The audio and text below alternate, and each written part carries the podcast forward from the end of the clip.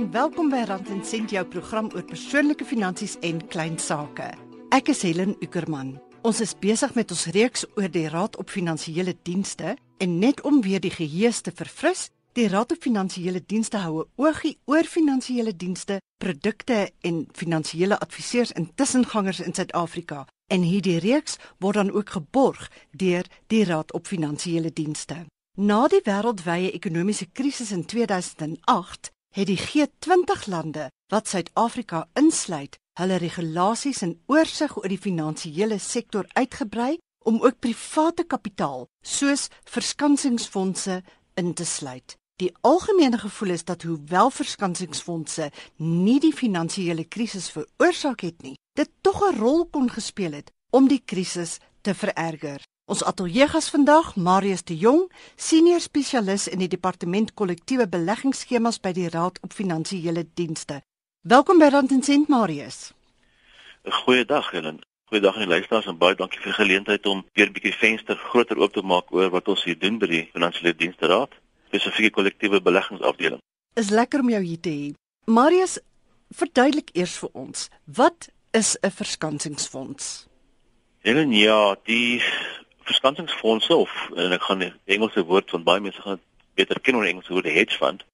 Daar's baie verskillende definisies vir 'n verskansingsfonds. Ehm uh, dit hang af natuurlik van of jy 'n regulatoriese instelling is of jy 'n belegger is en of jy 'n voorsiener is daarvan. En uh, nie een van daai definisies uh, kom regtig by mekaar uit nie, maar vir ons doeleindes beskryf ons maar 'n verskansingsfonds tipies as 'n fonds, 'n kollektiewe beleggingsfonds waar hierdie gebruik van afgeleide instrumente uh en finansiële instrumente kan jy die fonds blootstel aan 'n uh, blootstelling groter as die waarde van die fonds self. En dit kan jy doen deur die leen van geld of deur uh, afgeleide instrumente wat basies 'n lening van geld skep. Uh, en dit is basies gedoen deur strategieë en die strategie dan tot effek byvoorbeeld dat jy hefboomwerking of 'n vermenigvuldigingseffek kan hê van jou posisies en jy kan kort posisies gebruik in die fonds. So dit gaan op basis oor die leen van geld wat jou 'n beter opbrengs kan lewer as die geld wat jy ingesit het, maar ook sal jou belegging blootstel aan meer as die geld wat jy ingesit het. Waarteen verskans die fonds 'n mens nou eintlik? Dink in terme van die Suid-Afrikaanse konteks van verskansing kom basies van die begrip dat as jy blootgestel word aan 'n posisie in die mark waar jy geld kan verloor, dan neem jy 'n teenoorgestelde posisie en verskans jouself teen die moontlikheid dat jy daai geld gaan verloor of of baie van daai geld gaan verloor. Maar soos ek nou verduidelikheid en effek word daai sel terme basies gebruik om dit uit te brei na gevalle toe waar jy eintlik gaan en jy jy stel jou geld bloot aan 'n groter risiko as eintlik die geld wat jy ingesit het. Hmm. Ehm um, alhoewel ons wetgewing onder die fonds wat ons in die publiek gaan vrystel, jy nie regtig geld kan verloor meer as wat jy ingesit het nie. Is die strategie wat binne die fonds gevolg word kan gaan verder as daai 100 rand wat jy ingesit het. Ehm um, kan jy basies 110 rand gaan leen, kom ek maar basies so sê. Ehm uh, om dit makliker te maak om te verstaan op 'n daaglikse basis die konsep word bietjie verder gevat as bootverskansing. So sou jy sê dit is baie veilig om daarin te belê. Veilig is so veilig as as wat 'n belegging is in die markte in in afgeleide instrumente en sulke strategieë. Wat ons moet verstaan is dat hierdie fondse gaan in die mark inkom met verskillende strategieë en verskillende mandate. En daai verskillende strategieë en mandate kan wees van 'n baie beperkte blootstellingsmandaat tot 'n baie hoë blootstellingsmandaat. En ons gaan wel later praat oor die fondse wat geskep word vir meer professionele in, in, in instellings waar jou risiko's groter is en dan die fondse wat ons in die administratiewe publiek gaan toelaat waar jou risiko basies so groot is as wat die geld wat jy insit. Ja. En daar het jy ook dan verskillende vlakke. Jy en jy gaan jou mandaat van die fonds moet bekyk om te verstaan wat is jou risiko vlak ja. in daai fonds. Sê eers vir my, hoe groot is die bedryf in Suid-Afrika? Ek dink tans is dit so net oor 31 miljard rand gemeet aan 'n kollektiewe beleggingindustrie van vinnige 1.4 triljoen. So dit is redelik klein op die oomblik, maar dit is klein as jy dit nou meet teenoor plekke soos die FSA in, in Europa.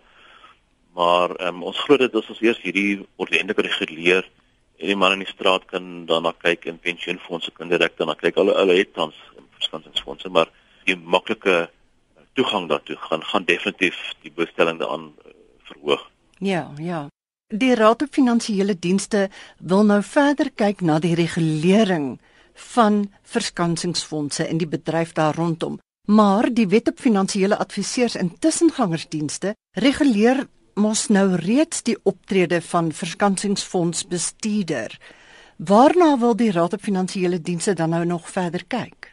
Goed, die huidige wetgewing kyk tans na die optrede van die mense wat die instellings, die mense wat die bates bestuur en dan veral die mense wat daar uitgaan en dit verkoop aan die publiek. En dit gaan maar basies oor blootstelling en dit gaan daaroor dat die dat die instellings die bates bestuurders moet dan voldoende vermoë hê om die fondse te bestuur wat ons gaan doen in totaliteit in in die kollektiewe beleggingswetgewing is om die produk en die risiko's in die produk en die totale blootleggings en so aan gaan ons in totaal bestuur.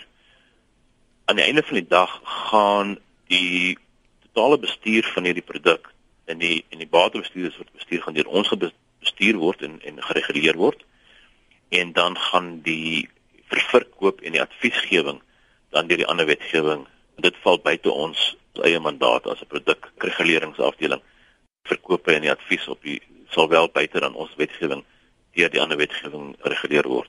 Wat is die voordeel daarvan dat jy hierdie ekstra regulering in plek gaan stel? Ek dink dit gaan basies oor sekerheid in die mark. Dit gaan oor sekerheid vir mense dat kontants word die produk self nie gereguleer nie. So alhoewel die mense wat die bates bestuur en die verkoop daarvan gereguleer word is is daar nie sekerheid oor maar wat is die perke wat in die registrasie en wie wie hou oorsig en daar's nie regtig oorsig oor die produk self nie. So dit gee sekerheid daaraan dat daar dat hierdie produk wel gereguleer word in tot, sy totaliteit vanaf die registrasie van die mense wat dit bestuur en die, en die fondse tot dit verkoop word aan die kliënt. En dan die baie belangrike aspek daarvan is tans kan die sistemiese risiko glad nie gemeet word deur nasionale tesorie en so aan en, en en wanneer ons hierdie syfers in ons bereguleer goed het ons 'n totale oog oor wat aangaan. En natuurlik vir die belegger is daar die voordele van die vereistes van baie heldere blootlegging aan beleggers help hulle om baie meer te verstaan uh, oor die produk.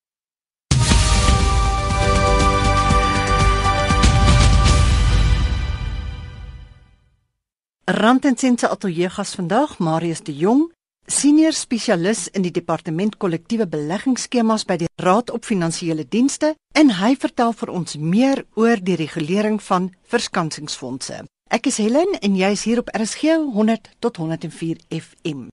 As jy enige kommentaar of vrae het wat verband hou met hierdie program, stuur asseblief 'n SMS na 3343 en dit is R1.50 per SMS of jy kan e-pos stuur na helen.uecka@gmail.com en dan sal ek volgende Sondag of in die toekoms terugvoer gee.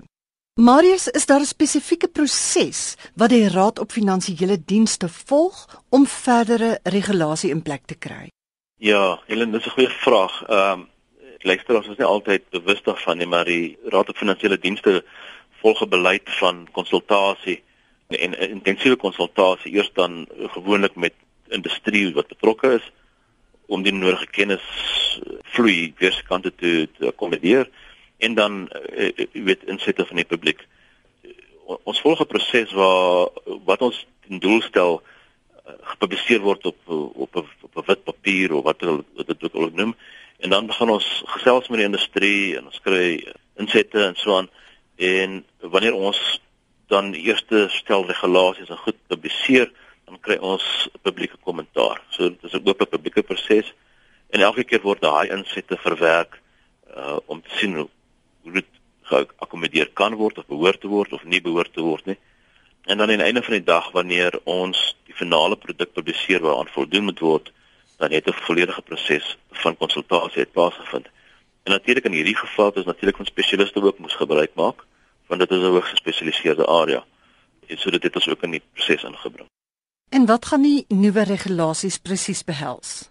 Regulasies het 'n doel gewoonlik om die produkte te registreer sodat ons volledige kennis het oor die instellings en die produk wat hulle gaan bestuur en dan dit het ten doel om beperkings daar te stel waarin mag jy belê en waarin mag jy nie belê nie hoe mag die fonds lyk hoe mag hy nie lyk nie en dan ook wat moet jy aan die beleggers vertel en die mandate wat jy daarmee stel hoe dit hoe mag dit gestel word regulasies het ten doel ook om te sê goed ons gaan dan inspeksies doen op julle persele van tyd tot tyd na julle produk en julle moet gereelde verslae aan ons indien om voldoening aan ons vereistes te meet. So dis 'n wye spektrum van aspekte. So die regulasies sal insluit aangeleenthede soos jou risikobestuur uh, program, byvoorbeeld inhoudse beperkings en watter basis mag jy beleggers insluit, die instellings wat in jou dienste kan lewer, die administrateurs, op watter manier mag hulle jou dienste lewer, hoe mag jy geld leen, registrasieproses, waardasies jaarlikse verslae en en interim verslae wat jy moet voldoen. Ja. En die houers van die bates, hoe wie mag hulle wees en so aan. So dit is 'n intensiewe stel regulasies.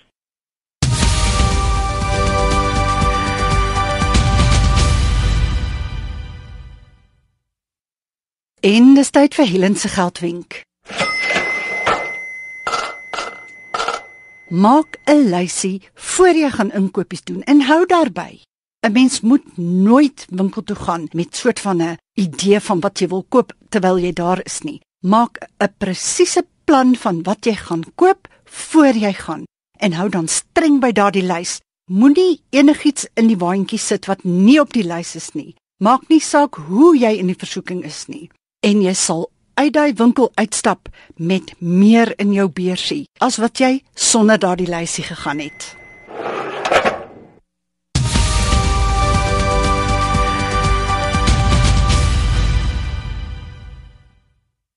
As jy nou pas ingeskakel het, jy's by Rand en Sent op RSG met Helen en ons praat vandag met ons ateljeegas Marius de Jong, senior spesialis in die departement kollektiewe beleggingsskema by die Raad op Finansiële Dienste. En ons onderwerp, die regulering van verskansingsfondse en die raad se rol daarin.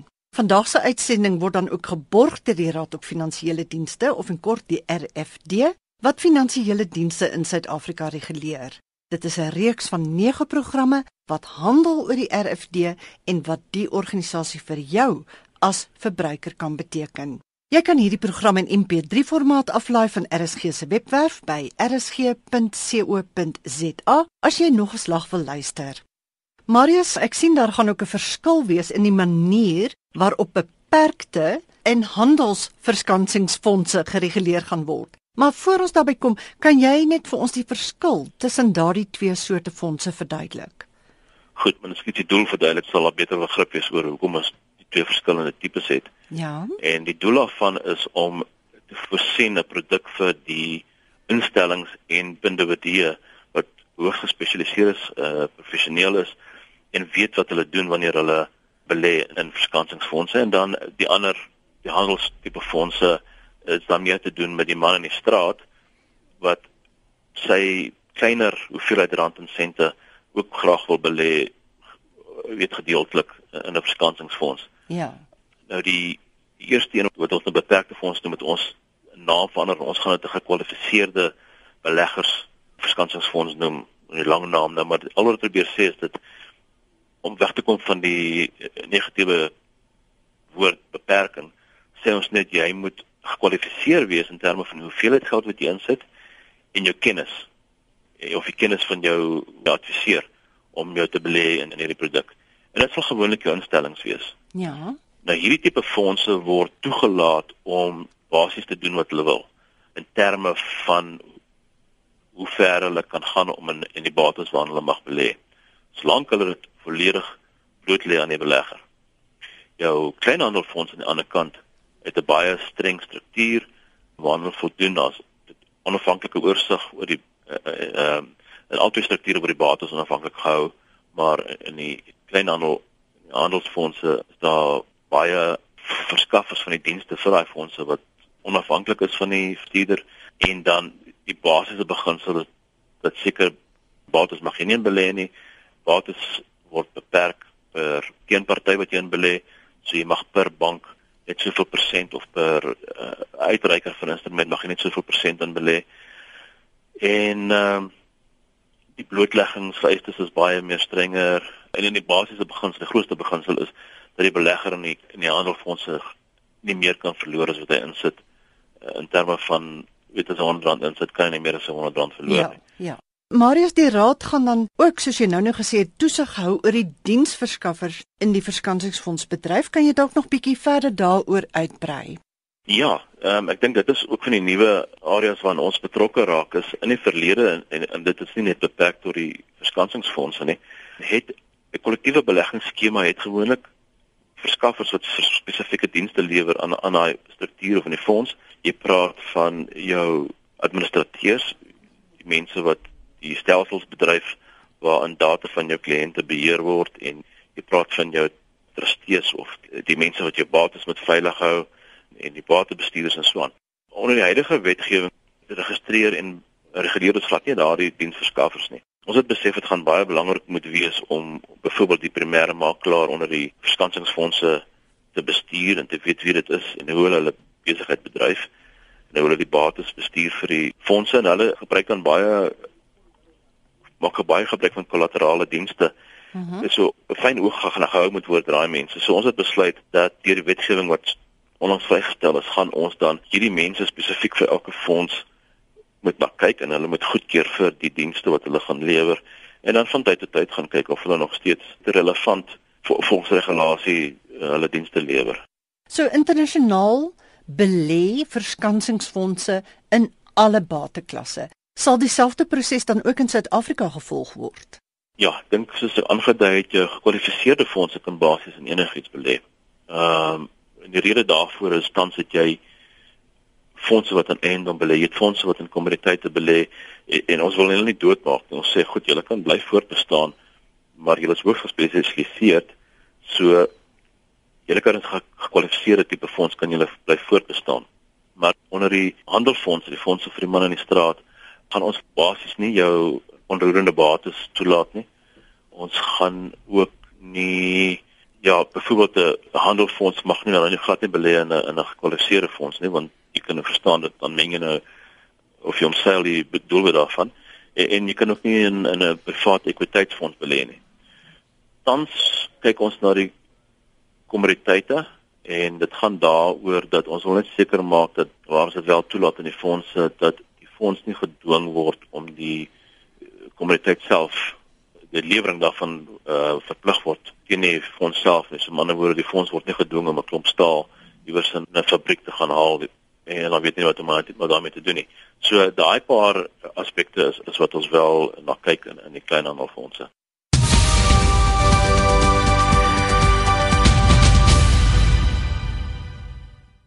Marita Brits het die e-pos gestuur en sy vra: "Is dit goed om op my kredietkaart te spaar? Is die rentekoers goed?" Marita, jy kan jou kredietkaartrekening as 'n spaarrekening gebruik, maar jy sal agterkom dat die rente wat jy op jou spaargeld verdien, heelwat minder is as die rente wat jy betaal as jou kredietkaartrekening in die rooi is. Dit is dus waarskynlik nie die moeite werd nie. 'n Ander probleem is dat jy dalk gou in die versoeking kan raak om jou spaargeld wat in jou kredietkaartrekening lê te onttrek. Dis dan vinnig om so 'n plastiekkaart te oorhandig aan 'n kassier. Daar is wel banke wat 'n baie goeie koers bied op spaarrekenings en beleggingsrekenings en dit is dalk 'n beter idee om so 'n rekening oop te maak. Kies 'n 30 dae oproeprekening of belê jou deposito vas vir 6 maande of 'n jaar met die opsie om ekstra geld te deponeer. Jy gaan 'n hoër rentekoers kry En so is jou spaargeld ook veiliger omdat jy nie op die ingewing van die oomblik kan onttrek nie. Baie sterkte Marita. Ek hoop om weer van jou te hoor as jy 'n lekker klomp geld gespaar het en dan vertel jy vir ons hoe jy dit reg gekry het.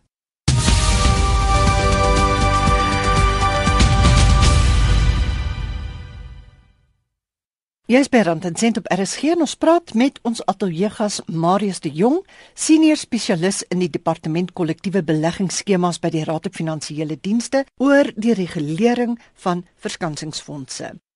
Marius, waar gaan ons van hier af? Wanneer sal die nuwe regulasies in plek wees? Want dit vat darm seker so rukkie so 'n proses.